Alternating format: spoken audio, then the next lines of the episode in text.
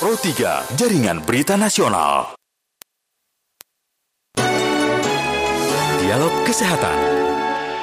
Terima kasih pendengar Anda masih bersama kami dan kini kami ajak Anda untuk mengikuti dialog layanan kesehatan kerjasama Fakultas Kedokteran Universitas Indonesia dan RRI. Tema yang akan kami bahas pagi hari ini adalah serba-serbi hamil anggur. Kami akan membahasnya bersama dengan Dr. Kartiwa Hadi Nuryanto SPOG dari Departemen Obstetri dan Ginekologi.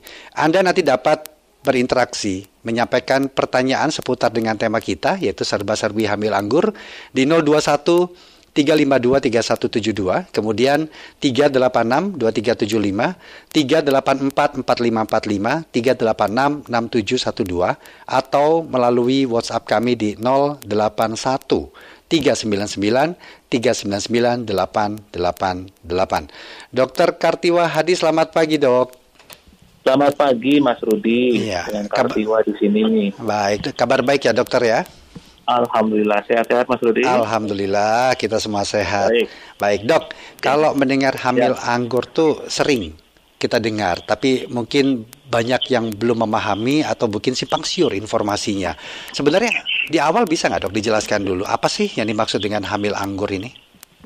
Baik, terima kasih Mas Rudi. Jadi kalau kita berbicara tentang hamil anggur itu sebenarnya kehamilan yang terjadi karena tidak adanya janin yang tumbuh di dalam. Mhm. Tetapi malah timbul gelembung-gelembung yang mirip buah anggur. Oh. Jadi kalau kita beli buah anggur di Iya, toko iya. buah, maka bentukannya akan seperti itu. Ya, Karena bentukannya yang mirip anggur, maka disebut sebagai hamil anggur. Kalau Oke. bahasa kedokterannya, kita sebutnya kehamilan mola namanya. kehamilan mola. Mo- mola. Ya, Mola itu bahasa kedokteran bahasa medisnya dok ya. ya mola. Ya. Mhm, baik. Kenapa bisa terjadi seperti itu dok? Jadi kalau kita berbicara penyebab itu ada beberapa kepustakaan Mhm. yang apa eh, mengatakan bahwa eh, pada prinsipnya ini terjadi karena eh, pertemuan antara sel telur dan sel sperma yang harusnya terbentuk janin tidak terbentuk. Di Ya. mana tidak terbentuknya ini karena kualitasnya baik sel telurnya dan sel spermanya Hmm. sehingga uh, kejadian ini sering ditemukan pada mereka yang usianya sudah lumayan banyak Mhm. atau pada mereka yang secara nutrisi tidak tercukupi dengan baik Oke. sehingga Ya, ya. sebenarnya kehamilan mola ini tidak hanya ditemukan pada mereka yang mohon maaf secara uh, ekonomi tidak cukup tapi Mhm. bisa juga ditemukan pada mereka-mereka yang sebenarnya secara ekonomi cukup Mampu ya? tetapi Oh. secara Eh, tapi nutrisinya jelek. Oh, Oke, baik. Mungkin bisa secara spesifik lagi, dok, dijelaskan artinya siapa berarti kategori atau kelompok yang rentan bisa mengalami hamil anggur atau faktor resikonya. Jadi kalau kita berbicara secara eh, lebih sempit, mereka-mereka yang di atas usia 30 tahun, nah Mhm. 35 tahun, di mana kualitas sel telurnya mulai tidak baik. Oh iya. Kemudian pada mereka yang secara nutrisi kekurangan multivitamin, jadi Mhm. tidak hanya eh, kekurangan gizi dalam artian kekurangan karbohidrat dan sebagainya, tapi terlebih ke arah kekurangan vitamin, terutama Mhm. vitamin A. Mhm. Kemudian mereka-mereka yang pernah mendapatkan mendapatkan terapi yang berhubungan dengan kualitas eh, sel telurnya. Ya. Itu misalkan ada yang pernah mendapatkan terapi radiasi atau terapi kemoterapi yang mungkin akan memperburuk kualitas dari sel telur itu sendiri. Hmm, ya. Ada nggak dok tanda-tanda yang mungkin bisa dikenali bagi seseorang ketika dia mengalami gejala kehamilan mola ini atau hamil anggur ini? Baik, eh, secara gejala eh, pada awal-awal kehamilan itu eh, memang sulit ditemukan. Biasanya kehamilan mola ini besarnya rahim itu akan lebih besar daripada usia kehamilan. Ya. Jadi seorang perempuan akan merasa saya hamilnya tiga bulan, kok perut saya seperti enam bulan. Ya. Begitu. Itu eh, selain dicurigai adanya kembar hamilnya, kita juga harus mencurigai adanya kehamilan mola. Nah, untuk melihat adanya kehamilan mola atau tidak, kita perlu melakukan pemeriksaan USG. Dari hasil USG itu kita menemukan gambaran ada banyak gelembung di dalam rahim tanpa ditemukan adanya gambaran janin. Oke. Baru kita tetapkan bisa. Ya. kehamilan mola. Begitu Ya. Mas Rudi. Baik, nanti juga ingin kita ketahui seberapa cepat sih dalam kehamilan atau bisa dikenali munculnya eh, seperti anggur ini dalam janin kita atau dalam janin seseorang. Nanti kita bahas ya dok ya. Tapi kita jeda Baik, dulu baik. sesaat ya dok ya. Nanti kita lanjutkan Oke, kembali. baik. Dan pendengar, terima nanti kami buka kesempatan untuk anda untuk dapat bertanya secara langsung bersama dengan Dr. Kartiwa Hadi Nuryanto terkait dengan serba-serbi hamil anggur selepas yang satu ini. Kilas Berita. Direktur Pencegahan Badan Nasional Penanggulangan Terorisme BNPT Republik Indonesia Brigadir Jenderal Brigjen Polisi R. Ahmad Nur Wahid mengatakan bahwa upaya membumikan Pancasila untuk mencegah radikalisme dan intoleransi diperlukan untuk menguatkan negara kesatuan Republik Indonesia. Untuk informasi ini dan informasi lainnya, pendengar dapat mengakses di laman resmi kami rri.co.id.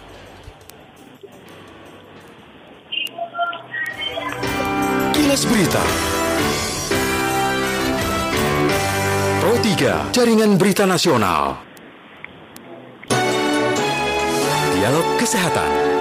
Baik, kita lanjutkan dialog layanan kesehatan dengan tema kita serba-serbi hamil anggur bersama dengan Dr. Kartiwa Hadi Nuryanto SPOG dari Departemen Obstetri dan Ginekologi. Silakan Anda dapat berinteraksi, bertanya seputar tema kita di 021 352 3172 386 2375 384 4545 386 6712 juga melalui WhatsApp kami di 081 399 399 Kita lanjutkan Dokter Kartiwa ya dengan Ya, serba-serbi hamil anggur ini. Tadi beberapa sudah dijelaskan mulai dari apa itu hamil anggur, apa penyebabnya dan kelompok siapa saja yang mungkin rentan untuk mengalaminya. Nah, untuk berikutnya seberapa cepat dalam kehamilan itu bisa bisa bertumbuh dan bisa tidak kita mengetahui secara tanpa pemeriksaan bahwa ini adalah kehamilan mola, Dok? Baik, kalau kita berbicara seberapa cepat, maka pada usia kehamilan dua bulan saja kita sudah bisa memprediksi ada kecurigaan terhadap kehamilan mola ini Mas Rudi. Dua bulan Jadi pada ya? keham- dua bulan. Jadi Iya, iya. pada dua bulan itu eh, ukuran rahim yang hamil itu kira-kira sebesar telur eh, Oke. bebek lah. Oke. iya, iya. Nah, tetapi pada kehamilan mola, maka ukurannya yang harusnya sebesar telur bebek ini mungkin akan menjadi jauh lebih besar. Misalnya Mhm. eh, sebesar eh, apa ya eh, telur angsa atau Oh. bahkan mungkin sebe- sebesar bola apa bola apa apa bola sepak bola ya. Mhm, Itu bisa jadi. Nah, pada saat menemukan bahwa kenapa rahim saya lebih besar daripada usia kehamilan saya, maka Mhm. itulah saat yang kita bisa curigai adanya kehamilan mola. Mhm. Nah, Kehamilan ya, mola, silakan, ya, silakan, Dok? silakan, Dok. Gini. Eh, Dokter Kartiwa, mohon maaf bisa geser sedikit, Dok. Mudah-mudahan dapat sinyal yang lebih baik karena putus-putus, Dok, suaranya. Ya. Oke, baik. Oke, baik. Jadi kalau kita bicara kehamilan mola, Ya. Mas Rudi, Mhm. eh, kita eh, kalau misalnya awalnya kadang-kadang tidak keluar tuh gelembungnya dengan sendiri. Mhm. Tapi kalau misalnya pada keadaan-keadaan tertentu bisa keluar sendiri. Itu yang Oh. sebut sebagai abortus mola. Iya, iya, itu. iya. Jadi kehamilan mola itu gelembungnya belum keluar. Mhm. Kalau abortus mola itu eh, gelembungnya sudah keluar. Oke. Jadi kalau nanti teman-teman di eh, rumah sedang hamil dan kok Hmm. saya keluar gelembung-gelembung ya Mhm. seperti apa buah anggur maka kita harus mencurigai adanya ke arah kehamilan mola. Oke, Gitu. baik. Kita terima dulu pendengar ini, Dokter ya. Tampaknya Baik, sudah ada yang ingin Silakan. menyampaikan pertanyaan atau mungkin juga ber atau ya pendapatnya terkait dengan tema kita. Ada Pak Baiklah. Ikhtiar di Gunung Sitoli. Pak Ikhtiar, selamat pagi. Selamat pagi Pro 3, selamat pagi narasumber. Iya, Pak Ikhtiar, mohon maaf volume radionya bisa dikecilkan atau dimatikan saja, Pak. Bapak bisa langsung dengar kok suara dari kami, Pak. Oke, Iya, silakan. Ada Dokter Kartiwa, serba-serbi Oh. hamil anggur. Apa yang ingin disampaikan atau ditanyakan ini, Pak? Pak Dokter, ada pertanyaan. Mhm. Oh, ada yang hamil, tapi kalau melahirkan nanti cacat tubuh atau tidak ada lengan atau tidak ada kaki atau ada kelebihan jari.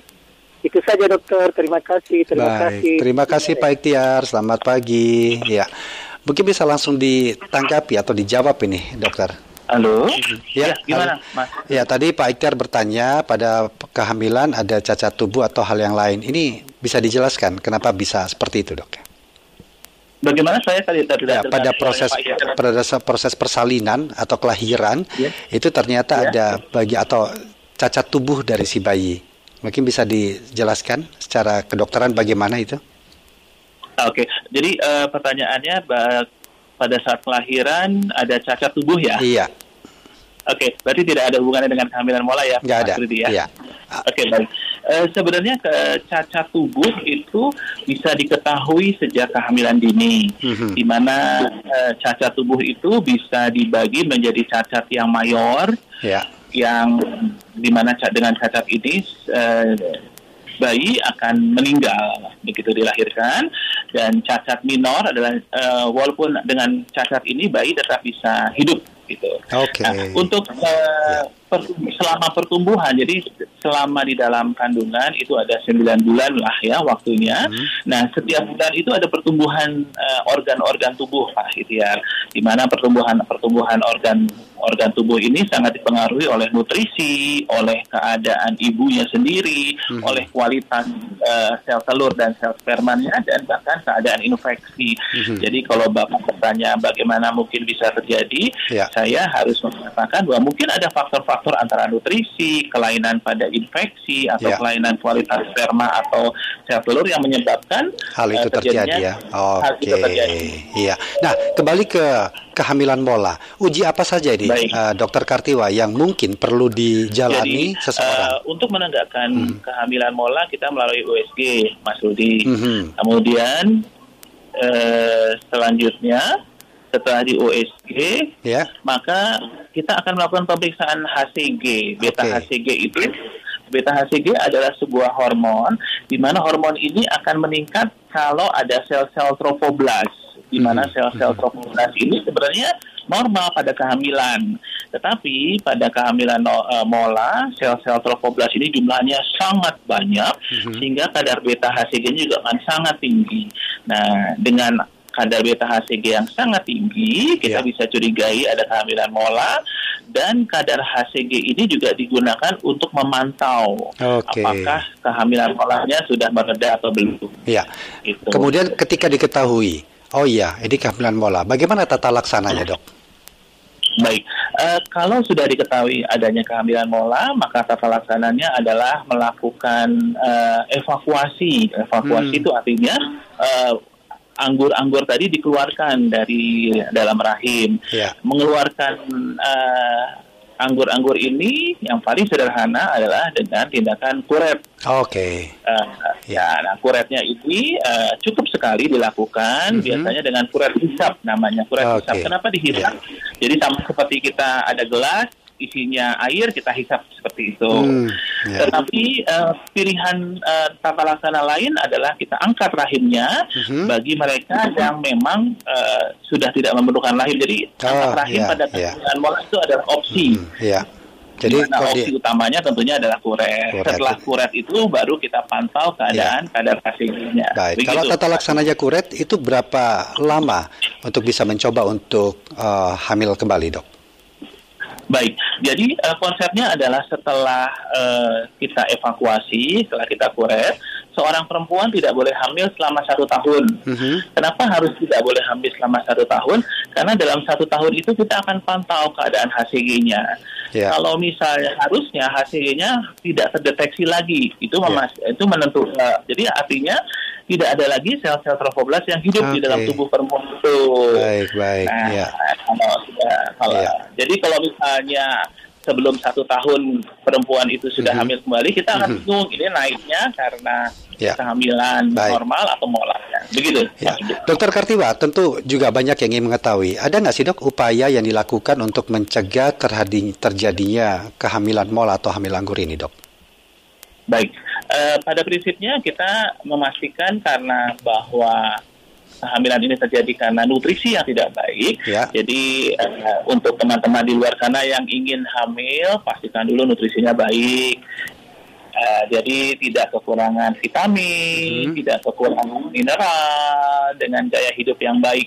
Karena kembali lagi, nah itu ke, ke, ke pertanyaannya Pak Iya. salah satu uh, resiko Penyebab resiko, iya. penyebab Hmm, kelainan kongenital oke. kan adalah nutrisi yang tidak baik. Iya. Terakhir ini dok, apakah kemungkinan at- atau seperti apa kemungkinan terburuk dari hamil anggur kalau memang ter- ti- tidak teridentifikasi?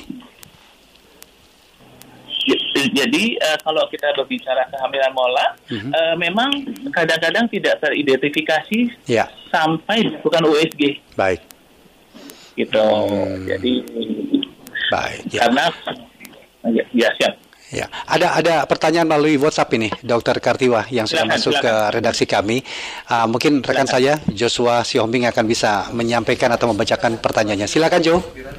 Baik, Rudi dan eh, dokter ini ada pertanyaan yang masuk melalui pesan singkat WhatsApp di dari Jambi dengan Pak Ujang yang ingin bertanya eh, apakah kehamilan mola ini bisa hilang sendiri atau harus ada penanganannya seperti operasi misalnya. Lalu pertanyaan kedua dari Pak Ujang di Jambi juga menyampaikan eh, pertanyaannya kehamilan mo- eh, normal posisi plasenta berada di bawah posisi janin. Apakah ini hal serius, Dok? Ya. Dan juga harus bagaimana dalam penanganannya. Untuk sementara seperti itu dulu Baik. pertanyaannya, Rudi. Terima kasih Joshua. Gimana dok? Mungkin bisa kembali dijawab atau dijelaskan pertanyaan dua pertanyaan tadi ini dok. Baik, izin eh, Mas Rudi, saya tidak terdengar dengan Ya, jelas. yang kalau memang teridentifikasi apa yang perlu dilakukan, kemudian kedua- yang Ya. pertanyaan kedua tadi masih seputar kehamilan mola dengan pencegahannya juga tadi dok. Dan sekaligus untuk penutup buat perbincangan kita di siang hari ini. Oke baik.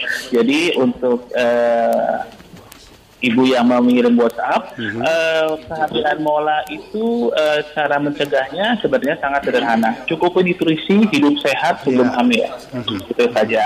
Kemudian kalau tata laksananya begitu terdeteksi adanya kehamilan mola, maka yang harus dilakukan adalah segera ke dokter Ya. untuk dilakukan evakuasi. Karena kalau tidak dilakukan evakuasi, kehamilan mola ini bisa berkembang menjadi Oke. sebuah keganasan. Baik, baik. Dokter Kartiwa, terima kasih banyak ya dok ya sudah berbincang dalam dialog yang kesehatan dan mudah-mudahan ini bermanfaat buat kita semua. Tidak hanya perempuan Amin, tapi juga amin. edukasi bagi kita sebagai laki-laki. Terima kasih dokter Kartiwa. Baik, Selamat kasih. pagi, salam sehat, salam tangguh dok. selamat Ya.